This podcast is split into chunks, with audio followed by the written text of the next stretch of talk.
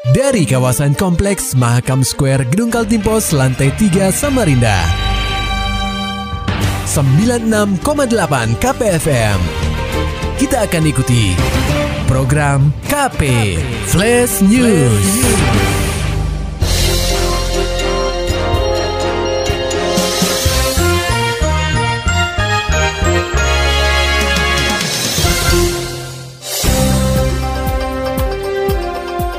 Anda sedang menyimak program KP Flash News bersama saya Agung Pratama.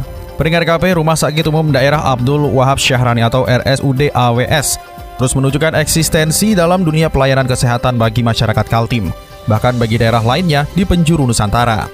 Selain berbenah, rumah sakit pelat merah ini pun bermutasi menuju pelayanan yang modern dan berteknologi tinggi. Pada Jumat 3 Maret 2023 lalu, menjadi awal pembuktian rumah sakit yang terlahir pertama di benua Etam dengan nama Rumah Sakit Segiri Samarinda pada 1974 silam. Gubernur Kaltim Isranur menuturkan pembangunan gedung rawat Pandurata baru ini dilakukan untuk menggantikan gedung rawat inap yang usianya saat ini sudah 49 tahun dan belum pernah dilakukan rehab secara total. Ia berharap rumah sakit ini nantinya mampu memberikan prioritas utama pada pelayanan peningkatan kesehatan masyarakat. Sementara itu, Direktur RSUD AWS, Dr. David Haryadi Masyur, mengungkapkan pembangunan gedung ini sudah direncanakan sejak tiga tahun yang lalu. Namun karena terkendala pandemi dan alokasi anggaran yang terkuras untuk penanggulangan wabah COVID-19, sehingga pembangunannya baru dapat dilakukan saat ini. Gedung Pandurata baru ini akan menggantikan gedung lama yang sudah kurang layak serta sering diterjang banjir ketika curah hujan cukup tinggi di Samarinda. Nantinya jika selesai pembangunannya, gedung rawat inap Pandurata ini akan dibangun dengan 8 lantai dan didukung peralatan kedokteran modern. Sementara itu pendengar KP, Gelaran Kaltim Fair ke-13 yang mengangkat tajuk Explore Borneo di Samarinda Convention Center yang berlangsung sejak 2 hingga 6 Maret 2023 mendapat respon positif dari Wakil Gubernur Kaltim Hadi Mulyadi. Ajang pameran ini menghadirkan berbagai produk olahan usaha mikro kecil dan menengah atau UMKM lokal, baik produk kuliner, pernak-pernik, perabotan, serta produk olahan dari tanaman khas Kaltim. Menurut orang nomor 2 di benua etam ini, setelah berhasil melewati masa pandemi COVID-19 selama 2 tahun, masyarakat akhirnya bisa kembali berkumpul dalam ajang pameran seperti ini. Berdasarkan arahan Presiden RI Joko Widodo, kegiatan pameran UMKM, olahraga dan seni menjadi prioritas untuk diselenggarakan supaya mampu meningkatkan perekonomian masyarakat. Bahkan, Hadi menambahkan Presiden menekankan kepada pemerintah daerah untuk tidak mempersulit perizinan dari tiga kegiatan tersebut. Para UMKM mulai menggeliat dan harus difasilitasi. Jadi acara ini untuk memberikan rasa percaya diri kepada masyarakat, kita bisa bangkit dan alhamdulillah dengan acara ini masyarakat bisa berkumpul dan ini termasuk yang diprioritaskan oleh Bapak Presiden. Jadi pameran, uh, olahraga, seni itu diprioritaskan. Kata beliau untuk urusan yang begini perizinannya jangan dipersulit. Karena ini menghidupkan perekonomian masyarakat. Oleh sebab itu, Pemprov Kaltim sangat mendukung penyelenggaraan pameran-pameran seperti ini agar UMKM di benua etam dapat bangkit dari keterpurukan pasca pandemi COVID-19. Beralih ke kabar parlementaria pendengar KP, Wakil Ketua DPRD Kaltim Muhammad Samsun mendorong agar perusahaan daerah atau perusda di benua etam untuk terjun di sektor pertanian.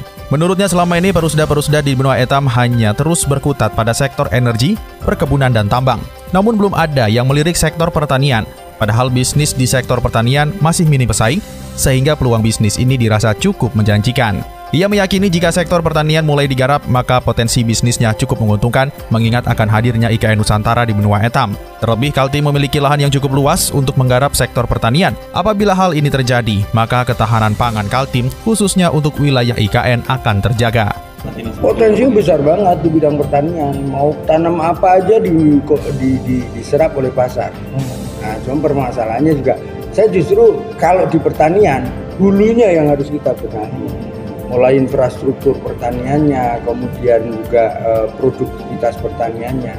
Coba di Kalimantan Timur kan belum ada perusahaan yang bergerak di bidang pertanian tanaman pangan loh ya. Hmm. Kalau perkebunan banyak, 90% perkebunan di Kalimantan Timur juga saya perusahaan.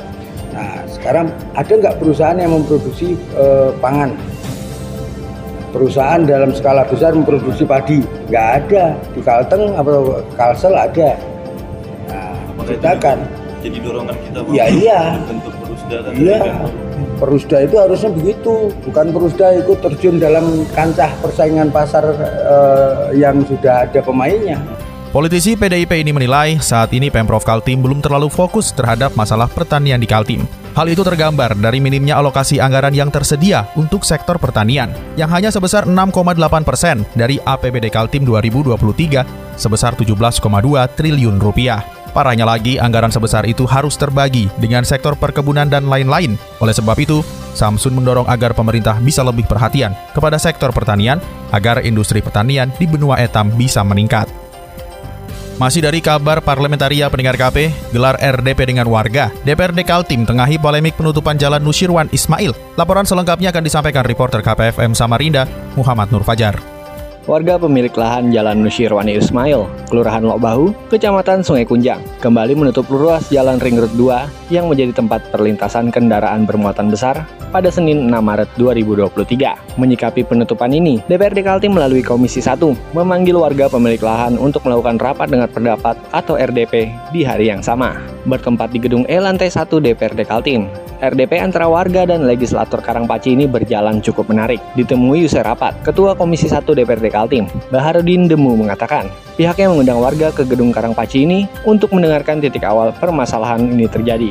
Ternyata, sejak 2012 silam sampai sekarang, artinya 11 tahun sudah, masyarakat ini menunggu pembayaran lahan milik mereka yang dibangun jalan oleh pemerintah. Yang membuat ini menarik adalah tidak ada terjadi sengketa lahan, tetapi polemik ini justru dibawa ke ranah pengadilan. Politisi PAN ini menuturkan, seharusnya jika lahan tersebut terjadi sengketa, barulah dapat dibawa ke pengadilan.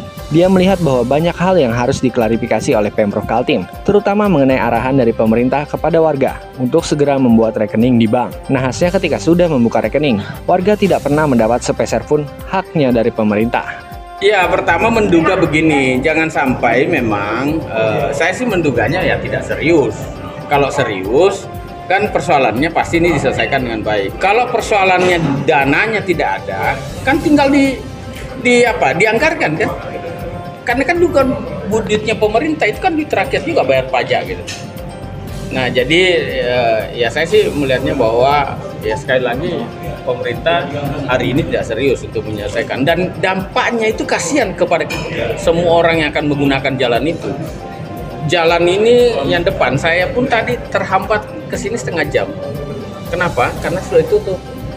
Nah, tapi kita memaklumi karena haknya mereka.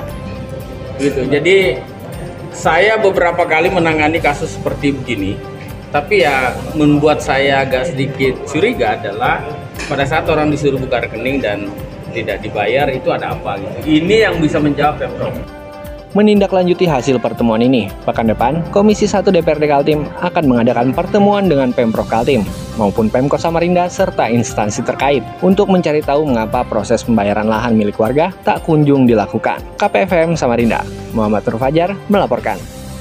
Kita beralih ke kabar olahraga pendengar KP, matangkan persiapan jelang prapon bela diri. Berikut laporan reporter KPFM Samarinda. Wakil Ketua 1 Konikal Tim Ego Arifin memastikan daerah ini siap menjelang pra pekan olahraga nasional atau prapon bela diri 2023 yang rencananya akan digelar di Solo, Jawa Tengah, Juni mendatang. Ego menerangkan, KONI Pusat dan Kementerian Pemuda dan Olahraga belum menuai kesepakatan Dua lembaga itu masih menyusun jumlah cabang olahraga yang akan dipertandingkan. Prapon bela diri informasinya memang sudah ada. Sudah ada. Akan dilaksanakan bulan Juni di Solo. Ya kan? Kemenpora dan KONI Pusat beserta PBB lagi membahas. Membahasnya versi Menpora tadi sampaikan itu 12 cabur, kemudian KONI bela diri itu kan 16 cabur. Nah, ini yang mau disepakati Ego Arifin yang juga tercatat sebagai Wakil Ketua Ikatan Pencak Silat Indonesia atau IPSI Kaltim itu mengatakan perincian anggaran oleh masing-masing pihak yakni KONI, Kemenpora, dan Tuan Rumah Solo juga belum mendapatkan kata sepakat. Diinformasikan, wacana menggelar prapon bela diri tersentralisasi merupakan upaya pemerintah untuk meraih prestasi di Olimpiade 2024. KPFM Samarinda, Maulani Al-Amin, melaporkan. Maulani Alamin, Muhammad Nur Fajar, KPFM Samarinda.